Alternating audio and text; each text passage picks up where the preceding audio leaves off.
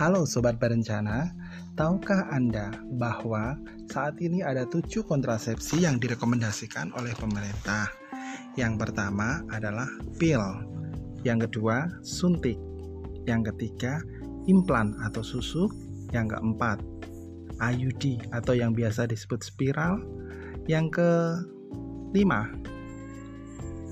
vasektomi atau MOP, yang keenam tubektomi atau MOW, dan yang terakhir adalah kondom. Nah, kita bahas yang pertama. Pil adalah jenis alat kontrasepsi bersifat temporer yang dibagi ke dalam dua golongan, yaitu jenis yang mengandung hormon progesteron dan kombinasi progesteron dan estrogen. Alat kontrasepsi ini tergolong murah, namun cukup merepotkan karena harus di konsumsi setiap hari. Bahkan untuk beberapa jenis pil KB, kamu harus meminumnya di jam yang sama agar maksimal hasilnya.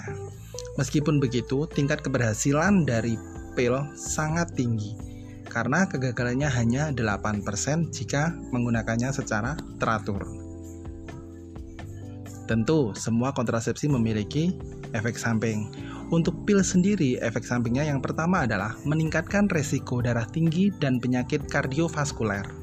Yang kedua, meningkatkan berat badan. Yang ketiga, dapat mengganggu produksi ASI. Yang keempat, pendarahan tiba-tiba di luar jadwal menstruasi. Yang kelima, rasa mual. Yang keenam, sakit kepala dan terkadang ada rasa tidak nyaman pada payudara. Dan yang terakhir adalah menurunkan gairah seksual untuk pembahasan tentang pil sementara sampai di sini dan selanjutnya akan kita bahas tentang kontrasepsi lainnya. Sampai jumpa.